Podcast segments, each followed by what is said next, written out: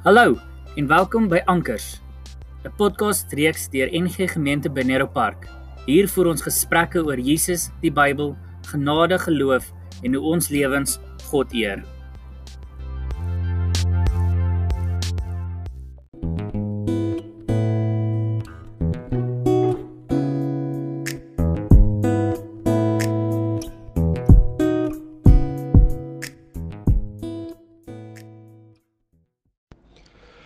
Dis heerlike lente, die winter is verby en toe is dit 1 September 2020. En toe is dit koud en hulle sê dis reën op pad waarvoor ons baie dankbaar is, maar die koue en alles, dit lyk donker en bewolk hier buite, maar nog steeds 'n wonderlike lentedag vir almal. Mag dit met jou sommer lekker gaan hierdie nuwe seisoen, net dis die begin van 'n nuwe seisoen. Kom ons Kom ons vier dit en kom ons sê dis regtig die begin vir 'n nuwe van 'n nuwe seisoen in my lewe. Um klomp goeters. Dink bietjie aan iets wat jy sê, weet jy, die winter is nou verby in my lewe wat hierdie ding betref. Ek wil ek wil vorentoe gaan. Dis lente. Pluk 'n blom iewers en sit dit op die kombuistafel of waar ook al waar jy dit sommer gereeld sien en sê dis vir my 'n simbool van 'n nuwe begin. So begin oor as jy so voel. Goeiemôre. Ons is ver oggend by die volgende gelykenis van Jesus. Ons kry dit in Matteus 20. Hoe sou jy gevoel het? Jy werk by 'n plek al jare. Um en jy kry elke jaar maar 'n ou karige verhogingkie en daar's nie eintlik bonus nie en so aan. En hier begin iemand te werk op die 31ste Augustus. En toe betaaldag kom, toe vind julle uit so via die gange dat hierdie persoon presies dieselfde salaris gekry het as iemand wat 'n heel maand daar gewerk het. 'n Ou sou die ding nie lekker gevat het nie, nê. Nee, mense sou woedend gewees het gesê het, maar daardie persoon verdien nie 'n vol salaris nie. Ek is heeldag elke dag by die werk en ek sloof my af en ehm um, ek gee my alles vir die company en ek is nooit laat nie en so aan. Hier is hierdie persoon wat die 31ste op maandeinde se dag begin werk en die persoon kry 'n vol salaris. Hoe hoe werk dit? Dis verskriklik onregverdig. Dit is presies dieselfde wat in die gelykenis gebeur waarvan ons lees in Matteus 20. Dat Jesus vertel die gelykenis, hy sê die koningsheerskappy van God is soos die eienaar van 'n landgoed wat vroegdag uitgegaan het om loon ehm um, arbeiders vir sy wingerd te huur en hy het met hulle op die gebruikelike daaglikse vergoeding ooreengekom en hulle toe gestuur om in sy wingerd te gaan werk. Teen 9 uur gaan hy toe weer uit en kry ander wat op die dorpsplein rond staan en niks doen nie. Hy hier hulle toe ook en sê vir hulle ek sal julle aan die einde van die dag billik vergoed. Hulle toe gegaan en teen 12 uur en weer teen 3 uur die middag het hy dieselfde oefening herhaal. Teen 5 uur die middag kry hy in die dorp nog ander wat rond staan. Hy vra hulle toe: "Waarom staan julle hele dag so rond?" Niks doen. Hulle antwoord hom omdat niemand ons wil hier nie. Hy sê toe vir hulle, gaan werk saam met die ander in my wingerd. Teen die aand het hy aan sy voorman opdrag gegee om die werkers te roep en hulle loon aan hulle te betaal. Begin by die laastes en eindig by die eerstes. Het hy vir hom gesê, die wat teen 5:00 die middag gehuur is, kom toe en kry voldagse betaling. Die wat vroeër gehuur is, kom toe met die gedagte dat hulle meer sal kry. Net maak sin. Maar hulle kry toe ook maar die gewone dagloon.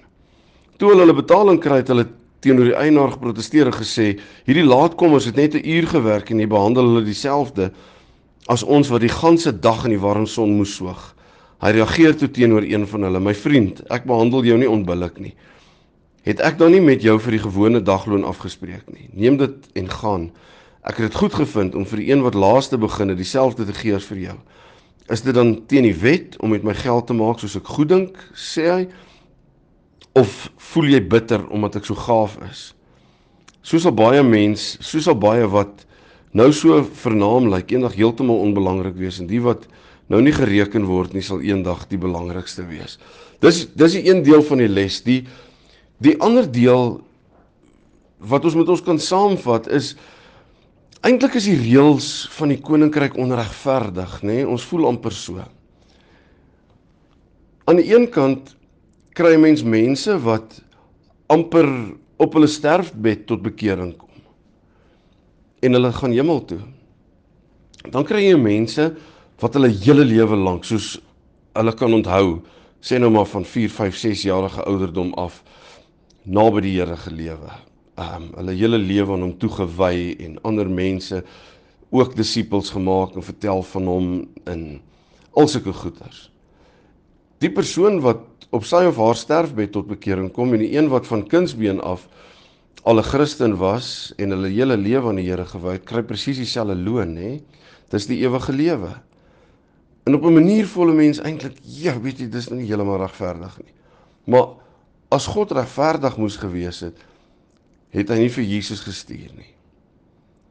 Dan sou ons almal verlore gewees het.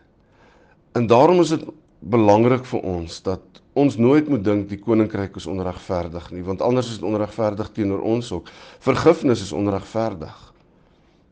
Om al ons sonde af te skryf en te sê daar's nie meer gevolge daarvoor nie is amper onregverdig teenoor dit wat God gesê het maar ons mag nie sonde doen nie en hy sal dit nie ongestraf laat bly nie en daar straf hy vir Jesus in ons plek dis onregverdig om iemand anders in ons plek te straf vir ons oortredinge so kom ons dink maar vandag daaraan die koninkryk het ander reëls en dat ons nie afgunstig of jaloers of kwaad moet wees vir mense wat op hulle sterfbed tot bekering kom of tot bekering kom en ruk daarna sterf of so nie. Um dis dis die genade nê. Nee? Ek sien dit eerder as genade dat God se genade is vir almal daar tot en met jou sterfbed, tot en met jou laaste asem uitblaas. Is daar altyd nog 'n kans. Dit is God. Dit is God se liefde in werking. Kom ons vier dit vandag ook saam met lentedag ehm um, dat ons weer sê maar genade is God se liefde in werking. In volle werking wil ek amper sê. Kom ons sê vir die Here dankie. Here, dankie vir u genade in ons lewens. Dankie dat ons uit genade gered is. Dankie dat ons volkome vrygespreek is. In 'n klomp van ons is dalk soos hierdie ou wat teen 5:00 die middag eers begin werk het. Maar ons weet ons is gered saam met almal wat hulle hele lewe lank aan U gewy het en hard gewerk het, sendelinge en klomp mense wat hulle hele lewe aan U gewy het. Dankie daarvoor. Here, dankie vir 'n nuwe seisoen vir lente. Um in ons gebed is dat dit ook vir ons persoonlik lente sal wees in ons lewens. Nuwe begin. Ons stoei maar met hierdie koronavirus met inperking en alles wat daarmee saamgaan, mense wat al oorlede is, mense wat siek geword het, wat genadiglik weer gesond geword het. Here, ons het vir U nodig ook in hierdie nuwe seisoen. En ons dankie dat ons weet U altyd by ons is. Amen. Lekker dag verder vir almal.